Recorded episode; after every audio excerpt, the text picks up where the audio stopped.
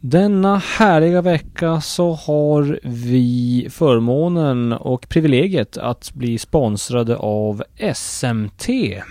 Det är ju eh, så bra som livet kan bli egentligen när man är sponsrad av SMT. Eller vad säger du David? Uh, ja, livet äger... Jag måste bara fråga, är det bara den här veckan det är ett privilegium att vara sponsrad eller är det bara den här veckan vi är sponsrade? Eh, nej, utan det är ju alla veckor. 365 dagar om året, 52 veckor. Eh, alltid staying blessed. Ja, wow. Ja, det är... Alltså man blir väldigt ödmjuk. Det är en stor känsla. Det, jag, vill, inte ens... Ja, det, finns, det finns inte ord att beskriva hur mäktigt det här är. Jag, jag kastar bara ut det här nu, men det ryktas på stan om att du har tagit en och annan kall med vdn för SMT, Jan Paolo, Janne. Jag kan varken dementera eller, vad säger man mer, bekräfta de ryktena. Jag har sett er göra det så att det är ju... Eh, oj. Ja. Okej, jag kan bekräfta de här ryktena. Det, det stämmer. Ja. Ja, stort. SMT, ingenting omöjligt för dem. Det var deras filosofi sedan de startade 2005 och det är ju fokus på kvalitet, effektivitet och goda relationer för dem som gäller. De erbjuder tillverkning av, eh, och reparation ska sägas, av stålkonstruktioner, montage och industriservice. Så att, eh, ett jävla härligt företag. Och vi säger stort tack till SMT.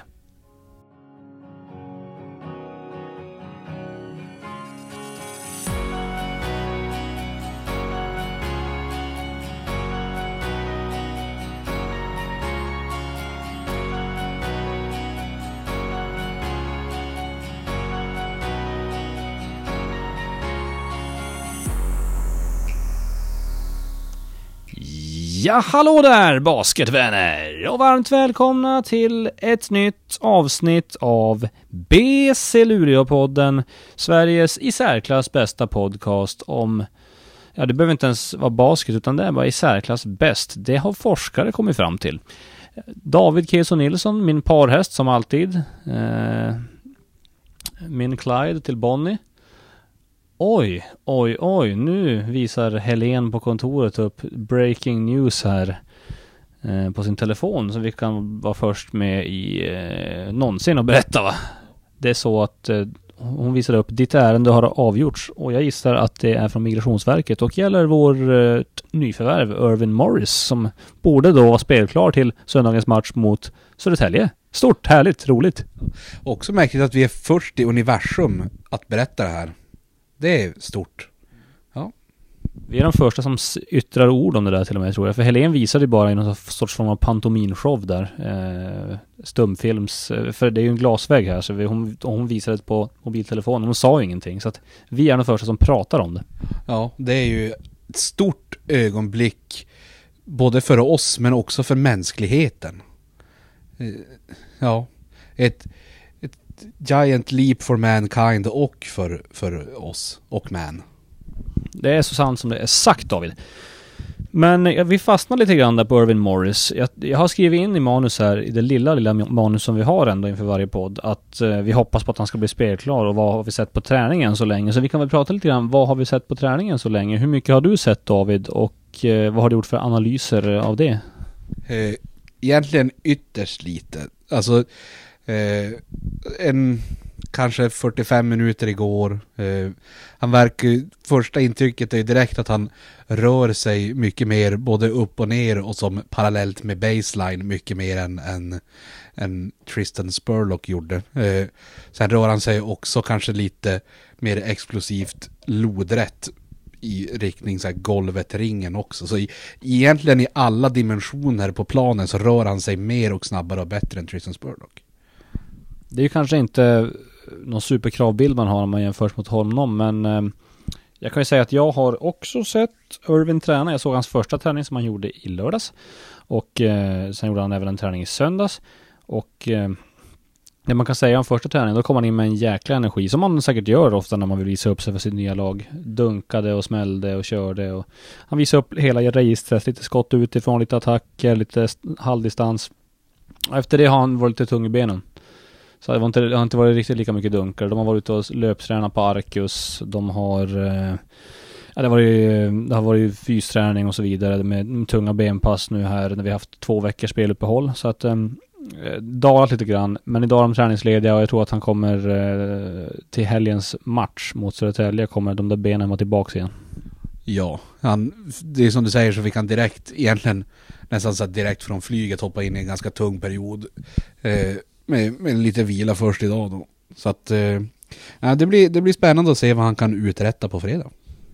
Så här då, han har ju inte spelat match sen i oktober, november. Oavsett hur mycket han har hållit igång hemma så är det ju en omställning fysiskt att gå till att spela match igen och träna, ja men att träna i matchtempo också. Uh, jag kan tänka mig att uh, det är något helt annat. Jo, alltså... Uh, förlåt, jag gäspade. Jag är jättetrött.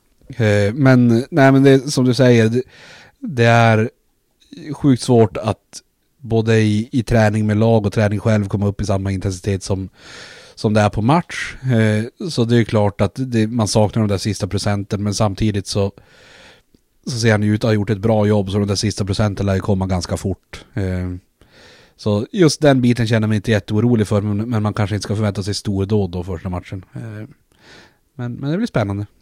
Det vi kan säga är att bara typ någon timme efter att, han, efter att han landade i Luleå, då var jag som hämtade honom, så var vi och gjorde lite olika ärenden. Eh, handlade mat och eh, käkade och träffade kanslipersonal och lagkamrater och så vidare. Sen var det ju läkartester i sedvanlig ordning och sen eh, så var det ett konditionstest som gällde för honom. Efter eh, en lång flygtur från Atlanta där han flög ifrån så var det dags för konditionstest och då fick han ju ganska bra resultat. Eh, den, jag hade, den som höll i testerna då, som var anställd på Hermelinen, Peter hette han, han sa att det var imponerande resultat. Han tyckte det var jättebra, det bästa han hade sett från en amerikansk spelare. Och eh, ja, med tanke på att han inte spelat på sådär länge så får man ju vara nöjd med det ändå. Jo, herregud, det är, det är lite det jag menar med att han, han verkar ha skött hela den biten så, så väl han kan eh, fram tills han har kommit hit. Eh, så att det, det, kommer nog inte bli en jättetuff övergång för, för Morris rent så här fysiskt. Sen får vi se hur, hur spelet klaffar och, och sådana där grejer. Men, men det tycker jag också ser helt okej okay ut på träning, det lilla man har sett. Alltså han, han rör ju på sig och, och ju, tar ju sina lägen. Han är inte så jävla passiv utan det, det, det, känns balanserat och bra. Sen blir det, det blir spännande att se hur det blir på match, säger jag, för typ sjätte gången idag. En hyvens kille också utanför planen ska tilläggas. Jättetrevlig är han. Och det är ju alltid kul. Um, jag tror ändå att vi ska gå vidare nu och vi ska prata om det oundvikliga. Och det är ju den, en het potatis inom basket-Sverige just nu. Han heter Joakim Kjellbom. Han är nästan 40 år gammal, kanske är 40, 39, jag vet inte. Och eh, han eh, är avstängd just nu under utredning efter en situation eh, med lite tumult som uppstod mot Köping för ungefär en månad sedan. David, eh, du har granskat situationen eh, och analyserat och kommit fram till din åsikt. Sammanfatta, vad hände mot Köping och borde han straffas för det eller inte? Eh, nej, men det som hände var ju att Joakim Kjellbom skulle alltså gå på en offensiv retur och verkar bli utblockerad. Och verkar tycka att det är ett av de största brotten som har begåtts mot mänskligheten sen, jag vet inte när. Eh, så att, ja, så då känner han att ja, men nu börjar jag skicka några knuffar, knuffa någon i ansiktet och knuffa någon till i bröstkorgen och så här. Och skicka några, ett par sådana där tuff, tuff, tuff. Eh, och det är väl det. Eh, så jag, jag kan ju tycka att eh, eh ser inget fel att han blir avstängd. Det, det, vi, det jag tycker är lite skevt Eh, det är ju hur pass länge det har tagit tills, Köping anmält och sen vet jag att det i regelverket står att man får anmäla upp till två månader efter. Men där känns det lite grann som att det regelverket behöver ändras. Eh, jag menar, den där anmälan kunde Köping ha gjort två dagar efter, en dag efter det där hände. Eh, och det öppnar lite grann för så här möjlighet att att missbruka en sån där grej. Om, om till exempel nu tror jag inte BC skulle göra någonstans, men nu, nu är vi BC Luleå-podden så nu tar det som exempel. Om, om BC möter Norrköping eller Södertälje och vet att de har en viktig match eh, mot dem om en lite dryg månad och det händer en sån där grej och så väntar man med att anmäla tills matchen, tills det är deras match nästa och så anmäler och så blir han avstängd och jag vet inte, det, det känns onödigt det känns onödigt att ha regelverket så pass öppet. Eh, sen själva avstängningen, ja, alltså jag menar han knuffar tre, fyra pers. Och många av, alltså första knuffen är ju något slags mellanting mellan ett slag och en knuff i typ hals och ansikte. Så att själva avstängningen tycker jag inte det går att säga någonting om. Sen, sen timingen i den var väl inte perfekt, men ja. Det är som det är. Och eh, nu skulle jag säga att han är inte, han är inte, beslut har inte tagits, han har inte fått sitt något straff, men um, han är avstängd under utredning och väntan på beslut. Och då är det ju så, kanske han får tre matcher, så säger att han får tre matcher. Då kommer ju en match redan vara avklarad då, eh, av den avstängningen, så då är det två matcher som gäller. Eh, och vi väntar och ser vad, vad som händer i den frågan. Eh, men ganska nyligt då, när Norrköping spelade mot Borås Basket på bortaplan, då var han framme igen, den gode Joakim. Ehm, och eh, ja, det var ju matchavgörande läge när han ramlade baklänges eh, och när han ramlade så greppade han tag i foten på Nimrod Hilliard som skulle driva upp bollen. Det blev en osportslig foul. Det var en lite märklig situation men alltså i grunden, du kan ju inte dra någon i foten ändå, även om du ramlar. Eh, osportslig Eh, och det var hans andra matchen tror jag, så han blev diskad och på ut, vägen ut så sparkade han i reklamskyltar och knuffade Magnus Stråle som eh, driver eh, Basketpodden via Borås och är kommunikationsansvarig, eventansvarig kanske på, på Borås Basket. Eh, han var där och, och jockade på, eh, eller vad vi nu ska säga. Och jag tror väl så här att det kanske är så att när Köping såg det så fick de, så rann bägaren över och då kände de att ja men fan nu, nu måste vi ändå stävja det här på något vis. Tror du att de tänkte så?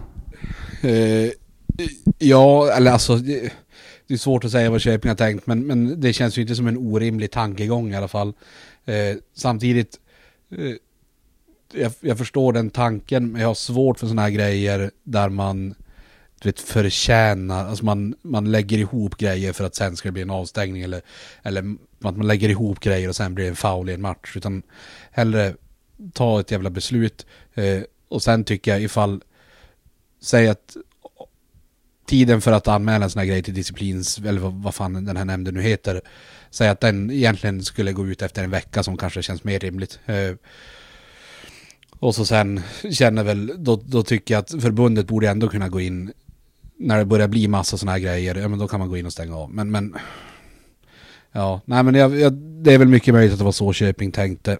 Eh, och det är väl kanske rätt. Även om jag har svårt för sådana grejer att ja, men nu får det vara nog. Utan jag, jag tycker första, det skulle varit avstängning efter första direkt. Eh, ja, men, men det är inte jag som bestämmer så jag vet inte. Det är det fan inte David. Eh, men så här då. Eh, det är... Ehm, man har två månader på sig att anmäla. Säg att det händer någon, en, situation uppstår mellan eh, Edvin Stark och... Ehm, nej, vi tar någon annan. John L. Smith och... Oh, Irvin Morris när vi, möt, när vi möts här i Luleå Energi Arena den första februari.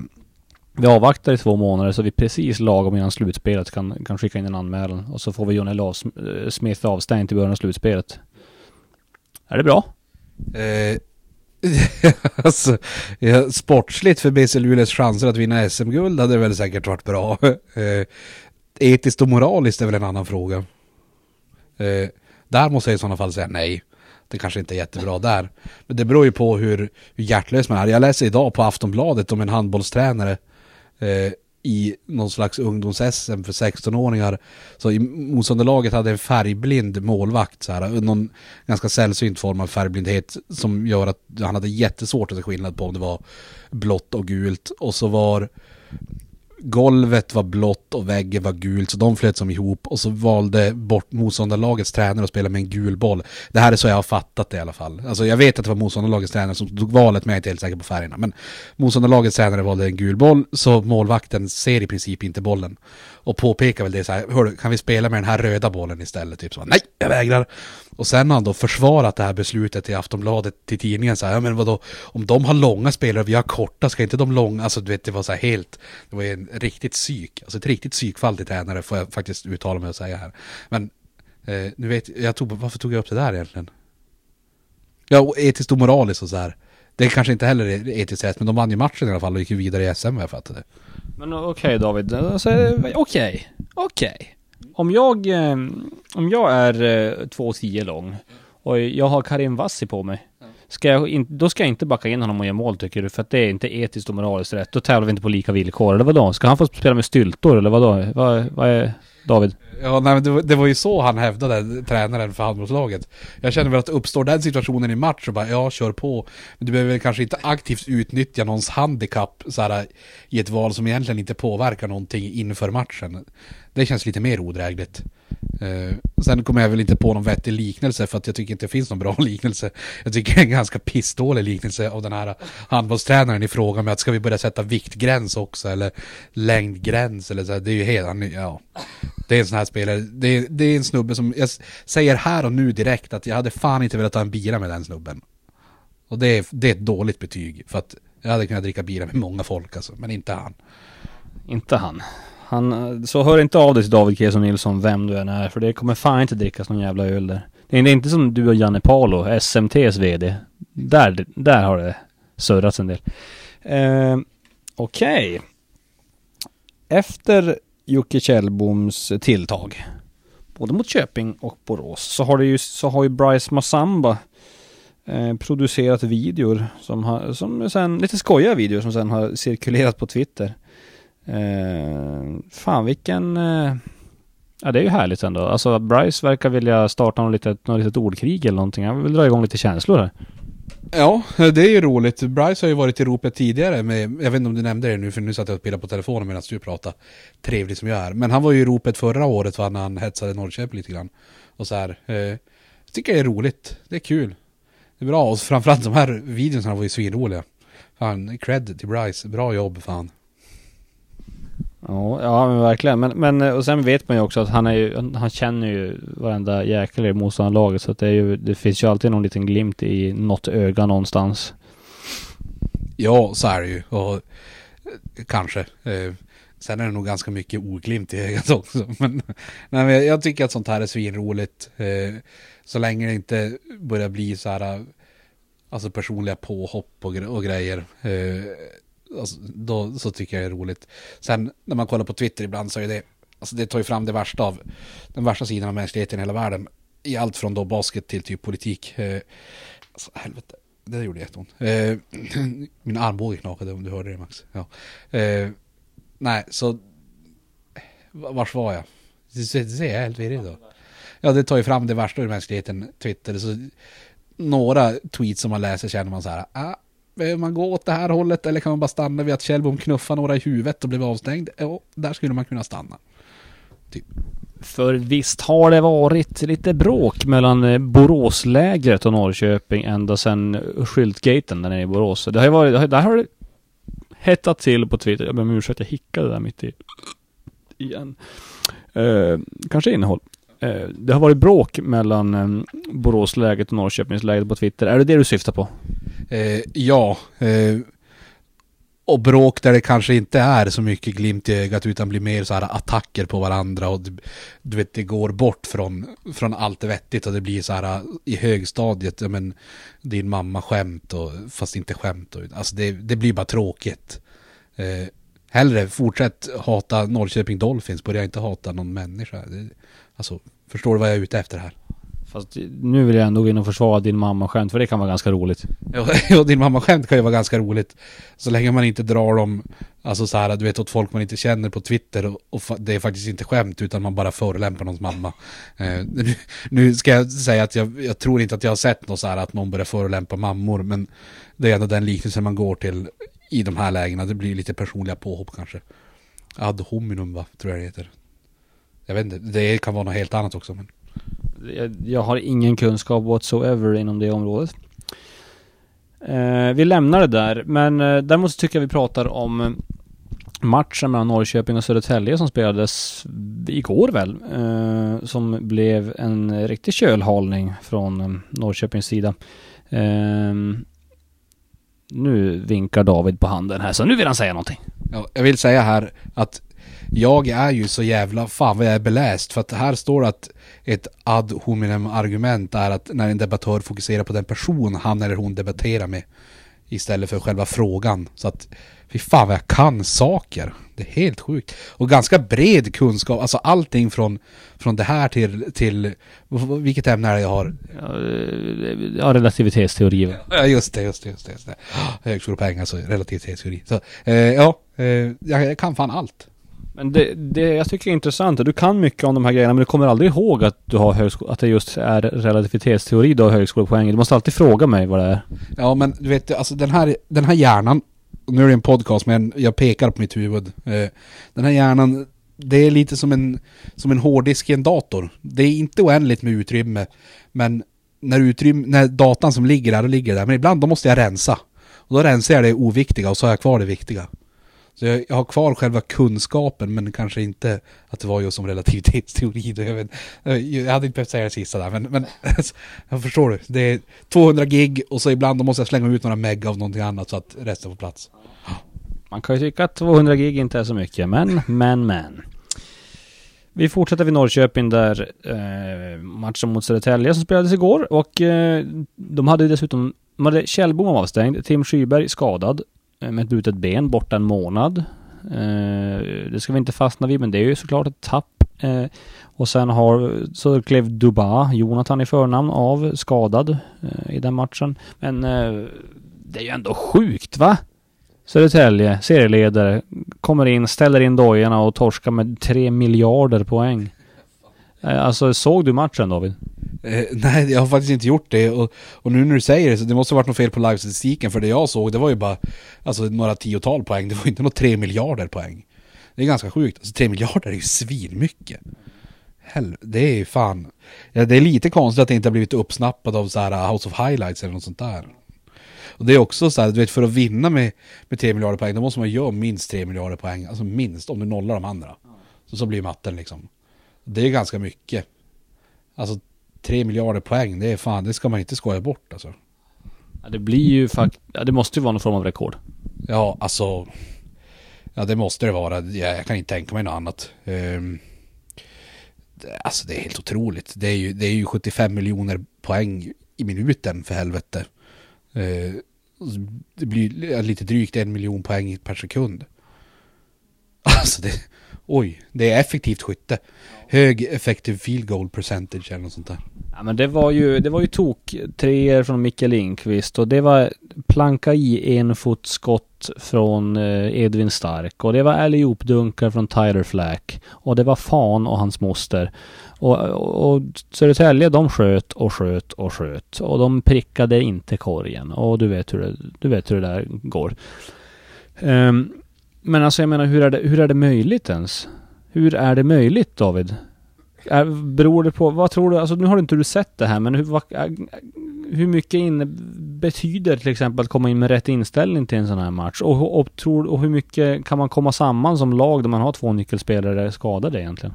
Eh, jättemycket. Eh, alltså, och sen, sen ska det sägas att så här, alltså att Tyler Flack är väl en ganska bra spelare. Det är en ganska tacksam position att, att det försvinner minuter från en sån som Kjellbom och att du har en spelare som Tyler Flack och ger minuter till. Alltså det, det är tacksamt. Eh, och så sen, sen är det klart det betyder jättemycket och sen betyder det väl ännu mer när det blir lite grann den här känslan av att det är hela världen mot oss. Eh, som, som de är väldigt bra på att få in sig i. De är också väldigt bra på att sälja in sig själv som underdogs i, alltså i princip alla matcher i hela världen.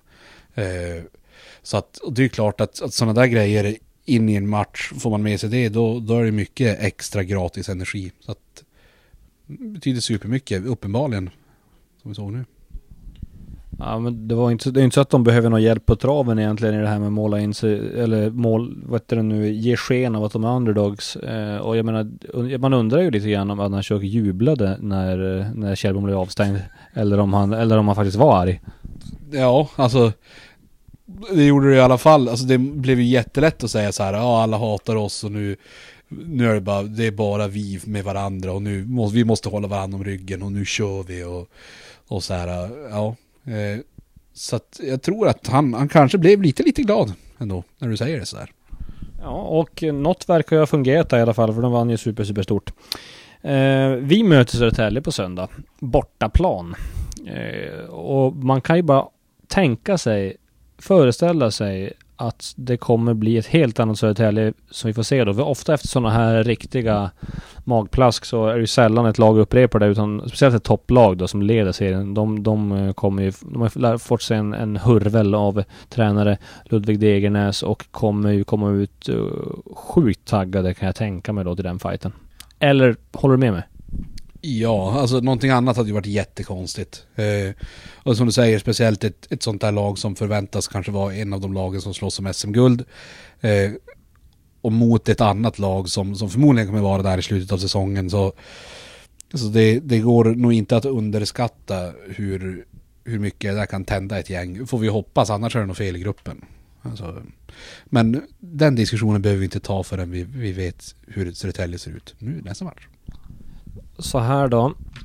Eh, vad kan vi förvänta oss av Irvin Morris? För han, nu är han ju spelklar då. Eh, vad kan vi förvänta oss av honom i en första match? Han har hunnit göra en... Eh, då har han varit här i en lite dryg vecka. Eh, vad tror du man kan få se av honom i en första match? Det är ju en tuff start till att börja med.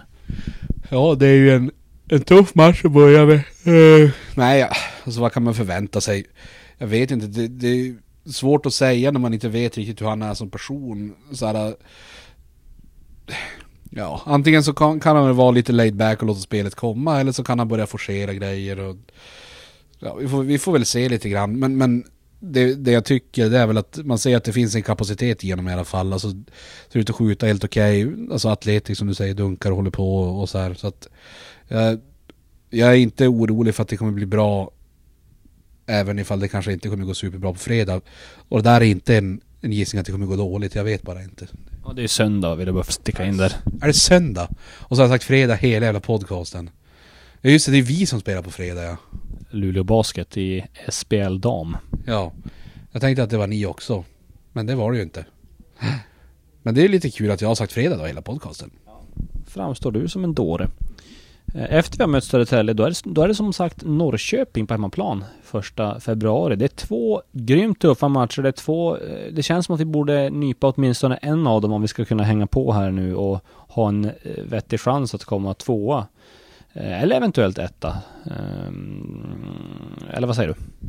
Ja, eh, både för själva tabelläget men, men även för, för känslan in i ett slutspel. Det är tufft skulle vara sjukt tufft för, för självkänslan att, torska båda de här. Eh, om, man, om man säger att man skulle torska dem med ja, över fem, mellan åt, alltså över åtta poäng båda matcherna. Då, då är det ju tufft. Eh, men, men kan man knipa en så det är klart att det, det är bra för det, det, är bra för tabelläget men sen är det även bra för känslan som i gruppen. Så att man får hålla tummarna. Du, jag måste ändå säga också att det, det skulle inte förvåna mig om Norrköping nu, det tisslas och tasslas i alla fall, att de har lämnat in en anmälan mot Södertälje efter matchen senast. För eh, Austin Barnes eh, rök ihop med Jonathan Duba. Eh, jag har inte sett situationen själv, men, men eh, på Twitter, det jag kunde läsa av på Twitter så var det, var det väl lite, ganska fult och eh, det skulle kunna innebära att Austin Barnes inte spelar på söndag. Ehm, ja, han är ju en MVP-kandidat. Vad, vad, skulle det, hur påverkar det Södertälje om inte han är med, säger du? Som också har ett jäkla brett lag ska jag säga. Så det, är, det är inte så att det kommer någon kreti och pleti från bänken. Det är ju typ Tony Bisaccia i sådana fall. Ja, nej så är det ju. Eh, det som är är väl att det blir, oj, det blir tufft kanske för, för en spelare. Om det nu skulle vara Bisaccia som får, får kliva in och ta de minuterna så är det tufft att spela många minuter effektivt för, för Bisaccia. Jag vet inte vad han snittar i år i, i minuter. Men, men ja. Eh, men det är klart det påverkar ju jättemycket. Barnes är ju en jätteduktig spelare. Var det, alltså var det i matchen nu som de spelade som... Jag har inte sett den situationen. Eh, jag skulle nästan vilja se den. Det, vi borde egentligen i realtid titta på den nu, men, men det gör vi inte för att det är för bängligt. Utan vi tar det efter podden David, och så kan du säga till mig vad du tycker och tänker om det utan att eh, mikrofonen är på. Eh, ja, för då kan man ju svära mycket mer också. Bra. Ja, det återstår att se vad som händer där och vi vet ju inte heller om Joakim Kjellbom då är avstängd eh, när vi möts eh, nästa vecka på fredag eh, hemma i Luleå Energi Arena. Det får vi se. Det vi vet är att Tim Skyberg är borta. Jonathan Duba, ingen aning. Jag har inte fått någon, skada, någon uppdatering på skadan där men vi hoppas väl att han kommer till spel. Man hoppas ju ingenting annat än att de kan egentligen ställa upp med bästa möjliga lag så det blir en riktigt bra basketmatch. David, nu är det dags för det du har väntat på dansen. Eh, nu, jag hänger inte med nu faktiskt. Helt, jag, jag hänger inte med. Nej men det är dans. Tränar eller tramsdansen. Ja, den dansen ja. Vi kan ju säga att jag gör en dans just nu. Men det är ju podcast så att eh, det syns ju inte. Vad heter det där? Whip? Vad, vad du gör? Eh, jag gör ju allting samtidigt. Det är ganska spektakulärt. Synd att ingen får se det någonsin. Det är åt helvete. Tränare eller trams? Eh, jag snurrar det där introt som jag brukar göra. Tränare eller trams? Tränare eller trams? Tränare eller trams? Tränare eller trams? Trä, trä, trä, trä, trä, trä, trä, trä, na, na, na, na, re, re, re, re, eller, eller, eller trams. Tränare eller trams? Tränare eller trams? Tränare eller trams? Tränare eller trams? Tränare eller trams? Tränare eller trams? Tränare eller trams, ni vet mycket väl vid det här laget vad det handlar om. Det är så att jag, och Max Wik, har dammsugit internet efter tränarcitat från SPL här. Eh, jag har också slängt in några citat där som inte alls är från SPL här, tränare. Och så säger jag citatet och David gissar vem som har sagt det. Är det tränare? Är det trams? Och du får gärna gissa på person också. Vi börjar med följande citat David. Det kom som en chock för oss. Kom gärna lite närmare mikrofonen. Okej. Eh, men jag lutade mig mot väggen, det var jävligt skönt. Eh, det kom som, jag, jag tänker... Eh, eh jag tänker så här. Vi har ändå spenderat mycket tid att prata om Kjellbom idag. Och det borde ju ha kommit lite som en chock för dem att han var avstängd. Så jag säger, och så då säger jag att det var tjack om Kjellbom. Applåder, eh, serpentiner, ballonger och hela, hela den grejen. Det stämmer mycket väl David. Eh, det är rätt. Nästa då. För mig handlar det mycket om att hitta engagemanget. Jag är en känslomänniska. Ja. Alltså, ja nu vet jag inte. Det, alltså... Ja. Ska jag säga så här Max? Eh, jag har för mig att Tor Stöckel sa något sånt här i sin intervju. Så att jag säger Tor Stöckel. Fan vad du har suttit och fuskat och sett citaten David. Jo det har du visst. Det är Tor Stöckel. Det är vår eh, senaste tillskottet till vår eh, sälj och marknadsavdelning. Tor Stöckel som tidigare varit eh, klubbdirektör i Luleå Hockey. Så där! Vad tusan! Jäklar vad bra jag var idag. Du har, du har ju suttit och kollat mina papper. Det är fan inte okej David. Det är inte OK. De här har du däremot inte sett. Eller såg du igenom pappret eller någonting? Okej, ingen trodde på oss men vi krigade. Ingen trodde på oss men vi krigade. Eh, jag vill säga att det är någon som har vunnit någon så här antingen oväntad match eller med mycket eller något sånt där. Så, men jag tror inte att du har... Ja. Nej jag vet faktiskt inte. Det är ju, det är ju någon tränare här i SPL. Um, Dra till med något. ja men alltså... Ja, vi säger Chuck igen då. det hade kunnat vara det, eller hur? Verkligen, det var det jag faktiskt lura dig till att säga. Eh, men det var ju faktiskt då Jesper Gustafsson efter att eh, Umeå vann mot PC Luleå. härom sistens. Och det kan man väl säga att han hade rätt i. Ingen trodde på dem. Eh, David tjuvkikar inte. Vilken person han är. Ove är kung. Vilken person han är, Ove är kung. Ja vilken fan Ove, va? Eh, nej. Det, jag vet inte. Åh. Nej, det här, jag har fan inte ens en gissning här alltså. Jag vet inte ens vilken Ove det ska vara tal om. Ja, men du kan väl gissa om det är tränare eller trams i alla fall? Det är väl trams och Solsidan, inte fan vet jag. Och det är så jäkla fel David, det är så fel! Och jag har lurat dig igen, alltså jag är fan en mästare på det här. Eh, det är Torbjörn Gerke som pratar om Ove Fahlén.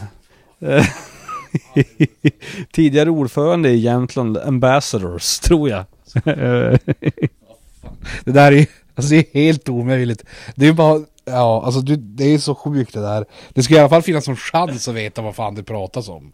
I vilket sammanhang sa han ens det här? Vad fan har du letat upp för någon text? De har ju en sån här som heter Basketkorgens vänner i Jämtland, en här intresseförening eller något som samlar ihop pengar eh, till Jämtland. Och då har de olika luncher där de har lunchföreläsare och då var Ove en av föreläsarna och Torbjörn Gerke kommenterade att han var kung helt enkelt. Ja, jag märker ju uppenbarligen, jag kan inte hänga med i allt som händer i basket-Sverige i alla fall. Det här var fan utanför eh, min comfort zone då, eller vad fan vi ska kalla det. Sista citatet kommer här. Eh, jag är inte som min pappa. Jag är snäll. Eh, jag är... Eh, vad fan heter det? Medkänslig. Nej, det heter det inte. Jag är snäll. Omtänksam. Jag är, om, jag är snäll och en omtänksam, omtänksam människa med ett hjärta lika stort som ett lejons. Fan, alltså, det här, jag känner igen det sjukt mycket och det är översatt från engelska tror jag. Annars skulle jag kanske inte ha så svårt med att översätta compassionate. Exakt, exakt. Och jag, alltså, jag vet att så fort du kommer säga vem det här är så kommer jag, jag kommer veta vad det är då för att jag... Fan det här är sjukt irriterande. Och jag, nej. Det är Kim Jong-Un. Ja, men det var väl lite vulgär gissning av dig va? Eh, det här är Will Ferrell i rollen som Phil Weston i Kicking and Screaming. Ja vi såg ju på det klippet fan, åh! Det där, alltså det där är ju riktigt dåligt, vi såg ju på det klippet igår. Ja. Underbar film, det här är ju när han totalt tappar det på fotbollslaget han tränar va. Och knuffar en unge i huvudet och sånt. Lite som, ja. Ja, bra. Ja. Det var tränare eller trams för den här gången och nu, nu är det dags för 5-0 och vi gör så att jag, jag trycker på knappen där vi drar igång introt. Tryck! That's the sound of the police. 5-0 är... Då, vi travesterar ju eh, på något sätt 5O som är, som är slang för polisen. Och det vi gör det är att vi listar fem saker och efter att vi har listat fem saker då listar vi noll saker och sen är vi glada och nöjda över det. Och idag David, ut, without further ado ska du få lista de topp fem spelarna som Joakim Kjellbom knuffade i ansiktet mot Köping. Jaha. Eh, oj. Det här blir ju jättesvårt för att jag kan nog inte säga fem spelare som spelar i Köping. Och jag studsar tillbaka det här till dig Max. Topp top fem spelare som, som Kjellbom knuffade i huvudet. Okej, okej. Eh, på femte plats tar vi eh, Niklas Larsson. Han fick ju den sista knuffen. Eh, som var lite, han såg väldigt, väldigt upprörd ut att han fick den. Men det var, det var den sista knuffen och kanske den som träffade sämst. Så därför kom han på en femte plats. Ja, det är rimligt. Det känns eh, bra, stark start där med att ha koll på att det inte var så hård knuff och att den kom sist. Bra jobbat. Så fyra. På fjärde plats eh, kommer Alexa Sol- Solovic. Eh, för han blev inte knuffad, men han var där i, han var där i närheten när det hände. Eh, och blev arg. Men och han var lite bredvid Niklas Larsson när han blev knuffad, men han fick aldrig någon knuff. Men eh, emotionell knuff fick han kanske, möjligtvis. Ja, det kan man ju tycka kanske att den skulle rankas under en Niklas. Men det, det är inte min lista Max, det är din. Eh, nummer tre. Nummer tre, han var inte med här i den här matchen ens. Och han har ingenting med Köping att göra, men Magnus Stråle. Han, han fick ju en knuff också när han gick fram och så, tänkte säga åt Jocke Kjellbom, eh, Magnus Stråle då från, eh, som jobbar i, i Borås Basket, gick fram till Jocke Kjellbom efter han sparkade på reklamskyltarna och försökte säga nej nej, sparka inte på reklamskyltarna. Då fick han också säga en liten bröstvärmare. En riktig så här... Ja, det, var, det var en tuff. Det var, det var nästan hemskt att se på. Det, har ni barn hemma så visa inte det, det klippet åt barnen liksom. Eh, nummer två. Nummer två, ja, då har jag faktiskt valt John Brännmark. Han fick den andra knuffen. Eh, när han gick som in och skulle försvara eh, lite Mikael Axelsson som fick den första knuffen. Eh, och han fick, han flög. Visst gjorde han det? Och John Brännmark, han är ju inte, inte någon liten kille, han är ju två meter lång ändå, men han flög. Så Jocke Kjellbom är ju jättestark. Och med tanke på att hela den där historien så kanske ni kan gissa vem som kom på första plats. Eh, nej. Ja, det är Mikael Axelsson. För det var ju han som, det var ju där hela tumultet startade. Det var ju liksom, det var ju liksom roten till det onda. Eh, när han, det var retursituationen där. Och sen kommer den. Kjellbom måttar mot huvudet. Puff! Sa det bara. Det var alltså Axelsson som gjorde den alltså, totalt vårdslösa insatsen med att faktiskt utblockera Jocke Kjellbom då.